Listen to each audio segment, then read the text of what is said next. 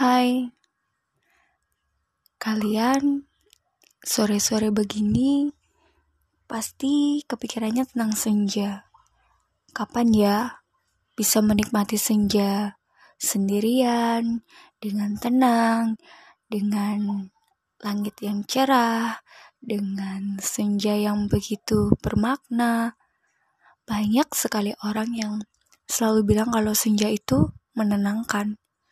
Kalau senja itu dinikmati sendiri lebih mengasikkan, lebih mengena. Hmm, senja. Apa sih sebenarnya senja itu?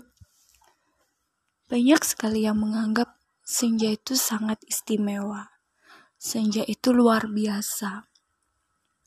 Tapi itu bagi orang-orang yang menganggap kalau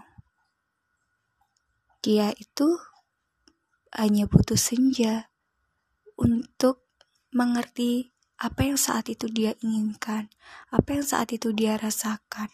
Hanya senja yang bisa menerima dia dan membuat dia itu bisa menjadi lebih tenang.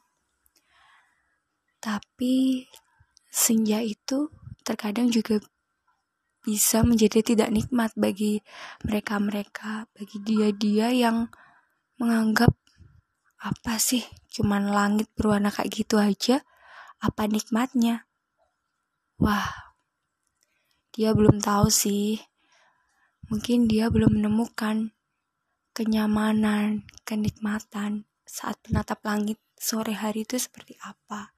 Dengan ditemani dengan hembusan angin dengan suasana yang riuh sore hari. Tapi angin sore itu sangat sangat apa ya? Sangat sejuk serasa di pagi hari karena kita benar-benar duduk sendiri. Kita menatap ke langit kita melihat semburat warna-warna yang itu tuh cukup wow indah banget. Mata siapa yang tidak terpana dengan keindahannya seperti itu ketika badan merasa lelah, badan sudah capek dengan rutinnya seharian.